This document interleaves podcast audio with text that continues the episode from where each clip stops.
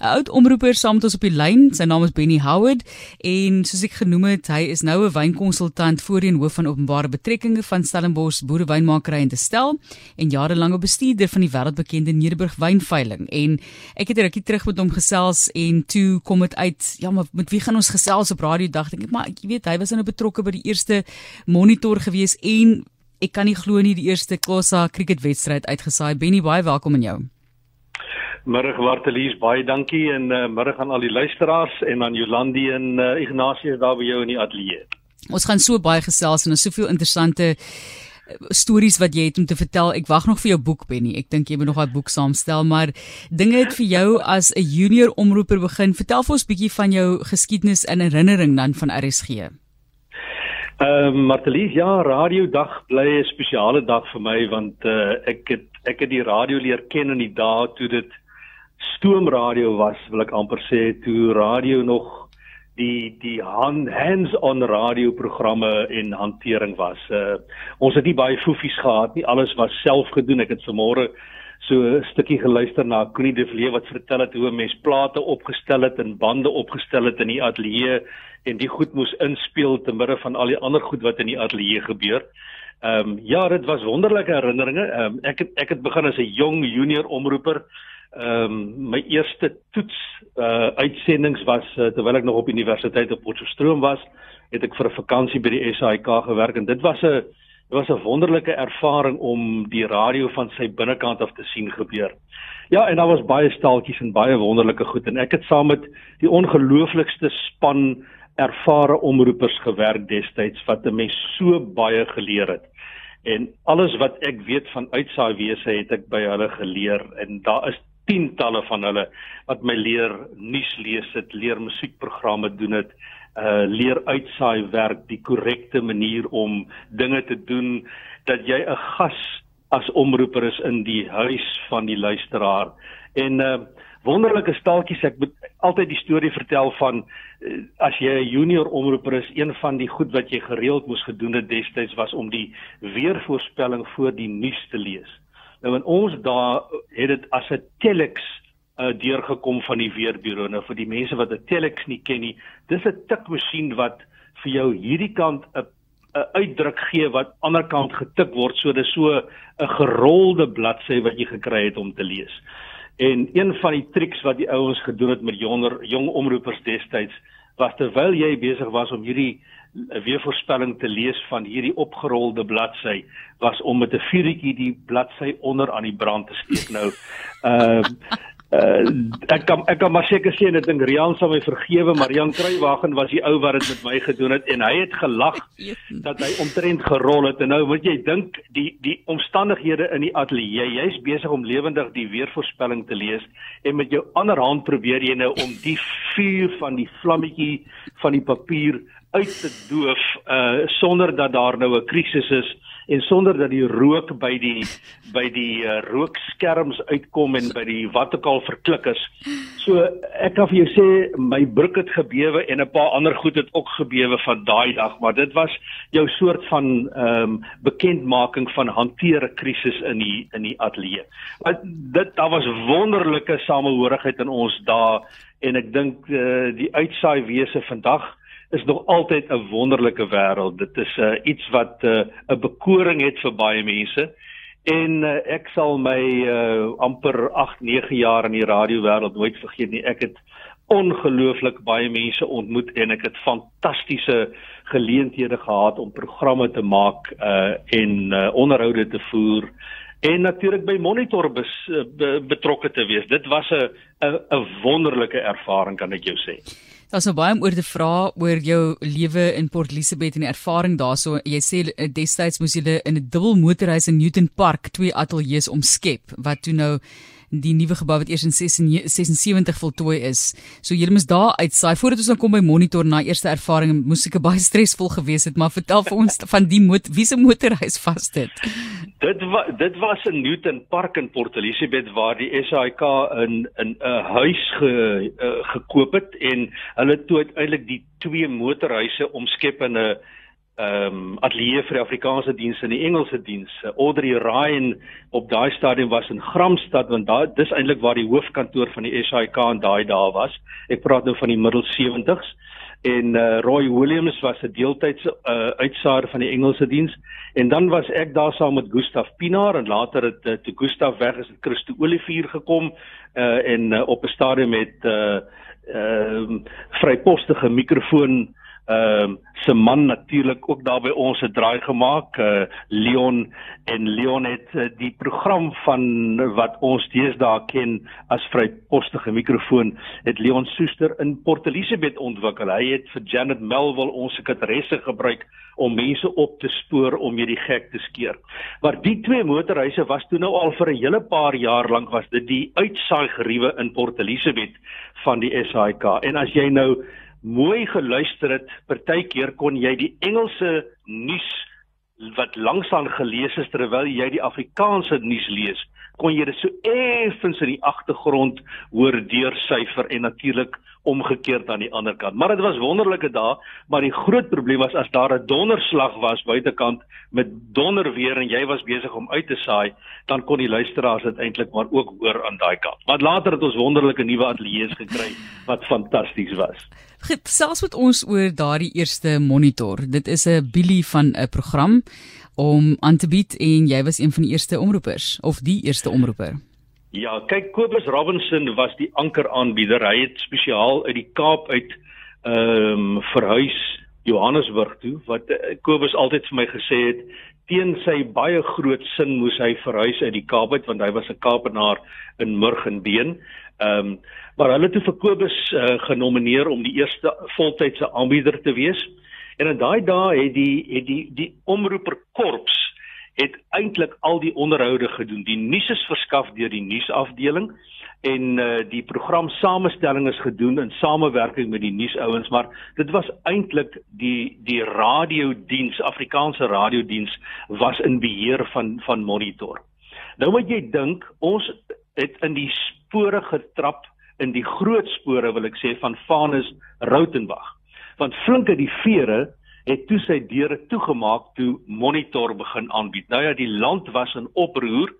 Uh baie mense het gesê hulle sal nooit weer na die Afrikaanse diens luister nie, want hoe kan ons nou vir Vanus in die môre wegvat en nou met hierdie nuwe nuusprogram begin? Maar ons het uh, ingespring.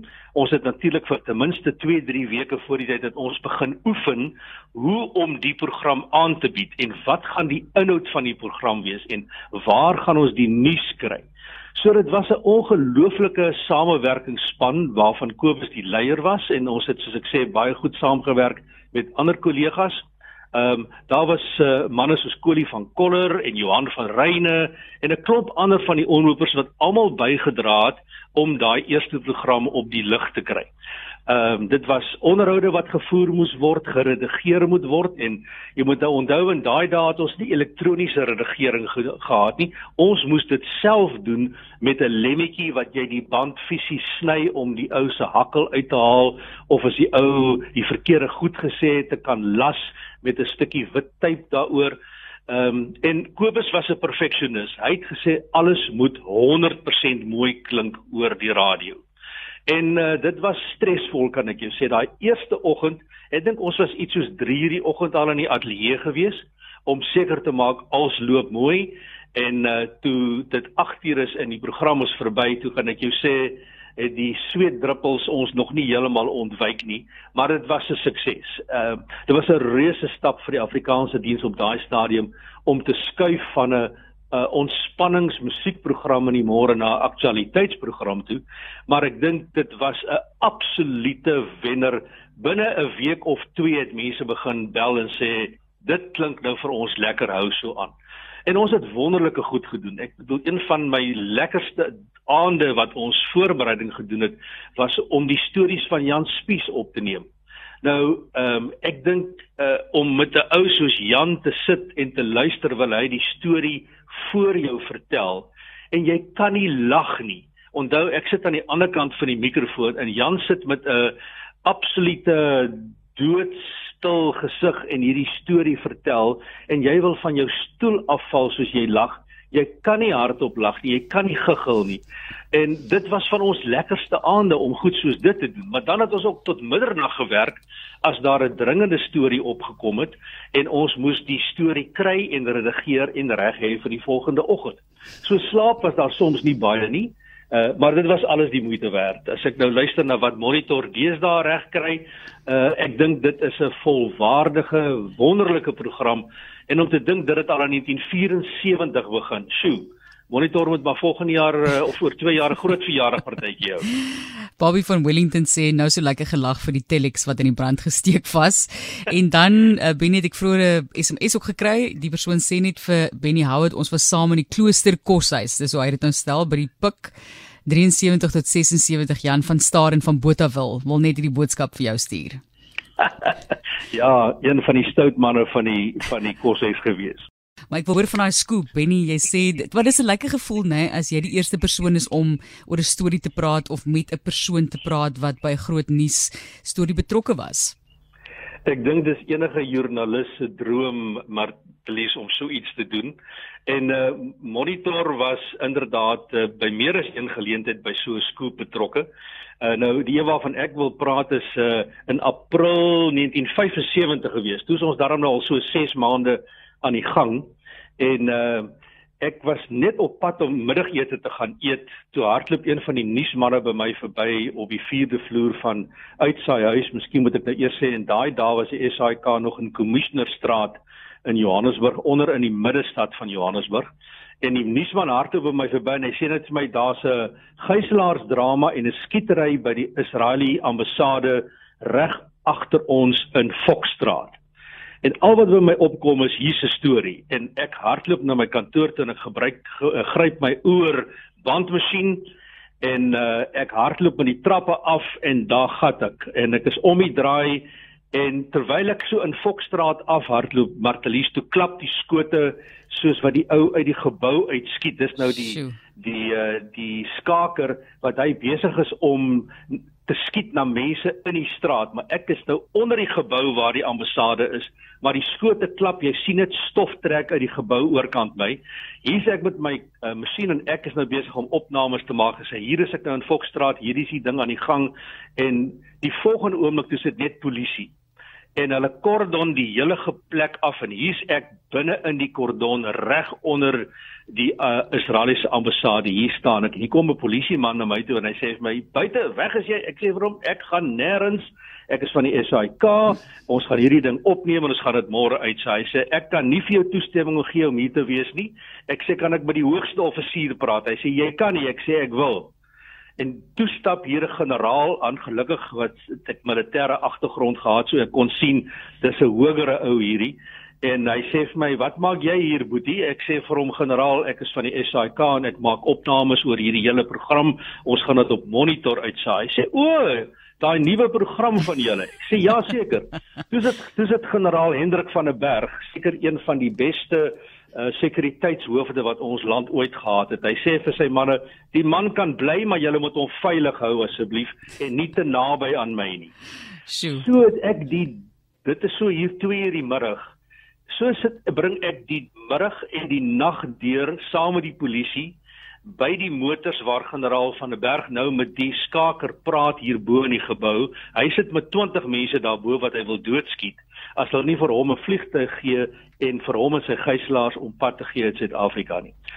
En ek neem net materiaal op. Ek ek het stemopnames, ek doen opnames soos wat generaal van der Berg met hom praat en hom probeer oortuig om sy wapens neer te lê en uit te kom en wat ook al. Ons slaap nie die nag nie. Ons het niks om te eet nie. Ons drink net water. En 5 minute voor 6 die volgende oggend toe gee hy oor nadat generaal van der Berg die hele nag met sy kop gesmokkel het. En en daar's die drama verby en uh, ek vat die pad terug ateljee toe. Ehm um, ek het intussen tyd het ek van 'n van 'n tikkie boks af het vir Kobus hulle gebel en gesê ek is hier binnekant ek gaan die storie kry ek kom na julle toe ons gaan dit lewendig môre oggend uitsaai. So kom ek net na 6 by die ateljee aan vaal en moeg en vol stof en wat ook al en ons redigeer net my opnames en ons maak 'n pakkie bymekaar en 7 uur toe ons lewendig op die lug met daai pakkie oor die hele gebeure van die nag. eerste in die land voor die koerante, voor enige ander radiodiens. Ons het van die van die details wat ons later vir ons Engelse uh, mede kollegas gegee by hulle program om uit te saai, maar dit was een van die hoogtepunte van my lewe om 'n joernalis te wees warm op die storie en terwyl die skote geklap het. En as ek ooit 'n uh, 'n boek sal skryf, sal dit sekerlik 'n hoofstuk wees om alles te probeer skrywe wat 'n mens daai nag deurgemaak het, maar dit was vir my een van die hoogtepunte as 'n joernalis om so iets mee te maak en te weet, "Sjoe, jy het dit woord vir woord uh, opgeneem." Harde werk en ja baie baie tyd maar opwindende tye dink ek vir 'n mens se lewe. Uh, Benny, daar is so baie om oor te gesels. Ek weet jy het ook verwys na daardie nasionale monument wat in Graamsstad geopen is. Jy kan vir ons nog so laaste en dan ook ons gaan dorp toe. Jy sê dit was 'n opwindende programreeks wat jy aangebied het. Ja, maar Elise, miskien moet ek net eers gou iets sê oor die Kossa uh cricket wat ons uitgesaai. Die Derek Robbins elftal het teen 'n Suid-Afrikaanse uitnodigingsspan in Umtata gaan speel. En as jy 'n omroeper in 'n streek was destyds soos wat ek in Port Elizabeth was, was jy iets vir almal. Jy moes golf uitsaai en cricket en uh, tennis en muurbal en wat ook al die geval mag wees en jy moes onderhoude voer met elke liewe mens wat Port Elizabeth toe kom wat belangrik is. So stuur hulle my toe nou om die Afrikaanse kommentaar te gaan doen nou so stukkie vir stukkie elke 2 ure of so oor hierdie spesiale wedstryd. Ek dink dit was 1978 in Umtata. Maar terselfdertyd sê hulle vir my ek moet sommer vir die Engelse diens ook 'n stukkie doen nou en dan en sommer ook vir die Xhosa diens wat nou almal het nou geweet ek kom met die Transkei uit en ek kan Xhosa praat. So daar sit ek toe nou en so elke dan en wan moet ek behalwe die Afrikaanse verslag wat ek moet doen en kommentaar moet ek nou ook praat op die Engelse diens en ek moet in Xhosa uitsaai.